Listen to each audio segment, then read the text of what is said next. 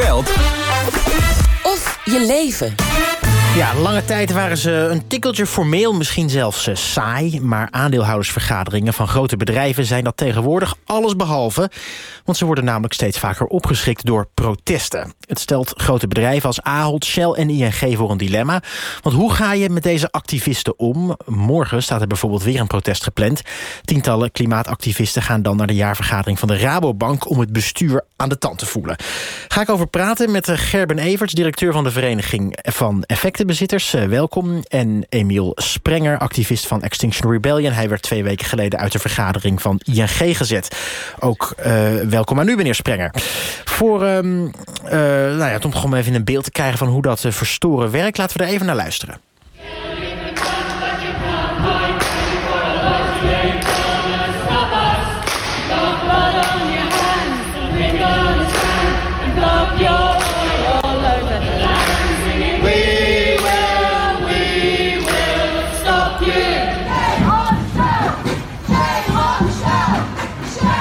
Gerben uh, Everts uh, van Extinction Rebellion. Dus dit klinkt eerlijk gezegd nog best gezellig. Maar dat is het niet altijd, toch? Je had die twee namen door elkaar, hoor. Oh, sorry. Sorry, ik, ik, dat is helemaal mij. Ik, Zo ver zijn we allebei, Dit vinden we allebei heel gezellig klinken. Maar, toch? maar hij is van harte welkom uiteraard. Ja. Iedereen is welkom. Vindt u dit ook nog gezellig, meneer Evert? Sorry. Uh... Nou, ik, ik, ik vind het eigenlijk wel heel normaal dat dit gebeurt. Mm -hmm. uh, als je in het huidige tijdsgevricht geen aandacht voor het milieu hebt... Uh, en ze nu dan ook geen, zeg maar, nou ja, een beetje een verzetje... Om, om ook op een positieve manier aandacht te krijgen... ja, dat, dat zou heel, heel raar zijn. Het is ja. de belangrijkste thema waar wij allemaal, burgers, maar ook bedrijven, voor staan de komende, wat is het nog, 27 jaar. Ja. Uh, en ja, daar, daar mag best even wat reuring over ontstaan. Ja, en dit is reuring, maar er, er zijn wel wat stevigere verstoringen de afgelopen maanden, toch?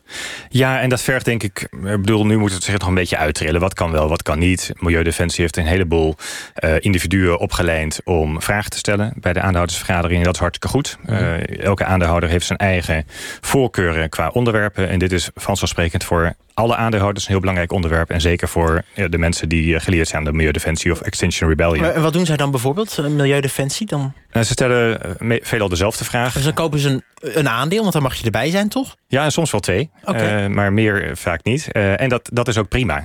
iedereen die een aandeel heeft, die mag daar zijn. En die mag ook een vraag stellen. Maar het komt er wel op neer dat zowel de mensen die de vraag stellen... maar ook de voorzitter van de vergadering... dat is dan de voorzitter van de Raad van Commissarissen... dat je daar wel een beetje de regie in zoekt. Dat niet alleen die vraag wordt gesteld drie uur lang... maar dat ook andere vragen en andere belangen...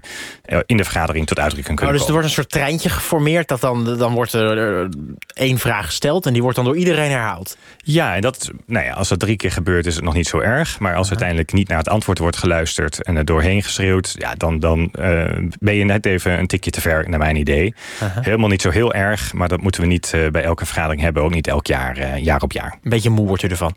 Ja, maar de vraag stellen is wel heel terecht. Ja. En wat, wat een beetje het probleem is... dat een ieder die de vraag stelt ook een klein filmpje maakt... en hoopt dat het antwoord net even anders is dan de vorige vraagsteller. Ja, en dat gaat natuurlijk niet gebeuren. Iedereen is gepolijst en goed ge, uh, voorbereid... Uh, van de mensen die daar zitten namens commissaris en bestuur. En je krijgt dan ook elke keer hetzelfde antwoord. Ja. Meneer Sprenger, u bent dus klimaatactivist bij Extinction Rebellion. maakt dankbaar gebruik van de list bedacht door een Milieudefensie. En u was erbij toen de vergadering bij ING uit de hand liep twee weken geleden. Wat deed u daar toen precies? Nou ja, ik, ik, ik was er als aandeelhouder uiteraard. Mm -hmm. En uh, ik denk ook dat ik als aandeelhouder het recht heb om een vraag te stellen. Ja. En op het moment dat die gesteld werd, en het was overigens een vraag die uh, niet wat uh, mijn voorganger net zei, al eerder gesteld was. Ik zei juist expliciet, ik ga niet die vraag weer stellen, want u geeft er toch geen antwoord op. Want dat was de reden waarom die elke keer opnieuw gesteld werd. Het was de vraag, wilt u als ING voldoen aan de, uh, de eisen van Parijs, van het klimaatakkoord. Ja. En daar werd niet op geantwoord. Dat was duidelijk een vraag, wil u dat doen, ja of nee? Nou, en dan krijg je een heel bollig verhaal natuurlijk. Ja. En de volgende stelt, ja, ja of nee. Nou, in ieder geval, ik zei, dat ga ik niet stellen. Of die vraag niet stellen. Maar op dat moment was uh, de heer Weijers, ja, die had het al helemaal gehad... kennelijk met mensen die vragen stelden. Mhm. Mm -hmm. Dus nadat ik ongeveer drie seconden gesproken heb... met de microfoon uitgezet. Ja, en uiteindelijk uh, eindigde de ING-vergadering zo.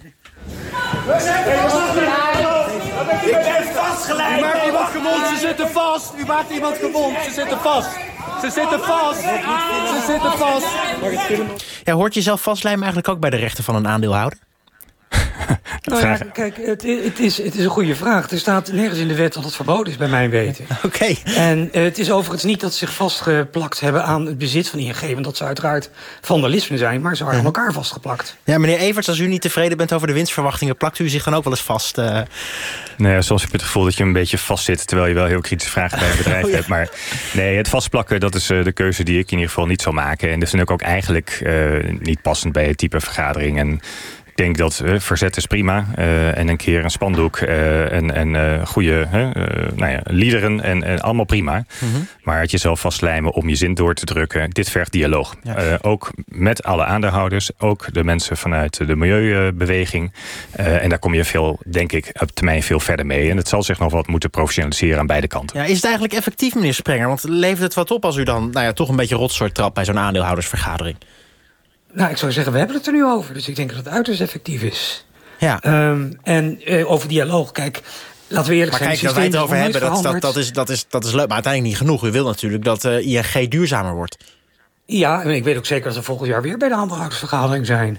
Huh? Net zoals we aanstaande week uh, bij de Rabovergadering zijn. Kijk, weet, je wat het is? Een systeem is nog nooit veranderd door het netjes te vragen. Uh -huh. En een dialoog, dat is hetzelfde wat de ING zegt. Ja, wij zitten in die fossiele projecten voor de dialoog.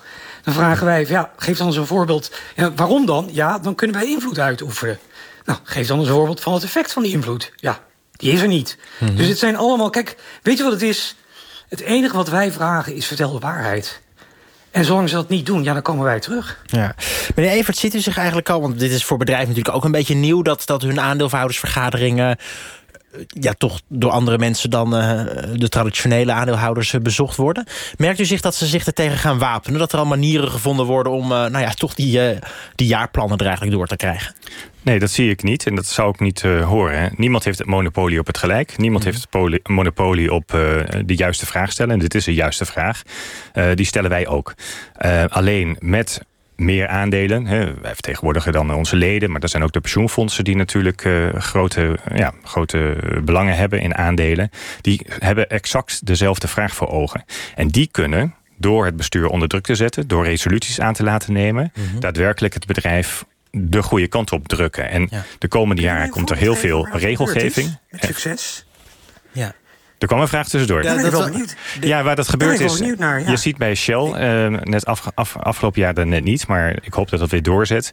Dat de resolutie van Follow This, hè, die is ook geleerd aan jullie. Uh, en overigens ook aan ons. Dat die wordt gesteund door, door eigenlijk in de, nou ja, net afgelopen jaar niet, maar in een, in een uh, elk jaar meer aandeelhouders die dat steunen. En dat zie je bij andere bedrijven ook. En dat is een goede zaak. Want bedrijven. 38 procent, maar daarmee verandert het toch niet?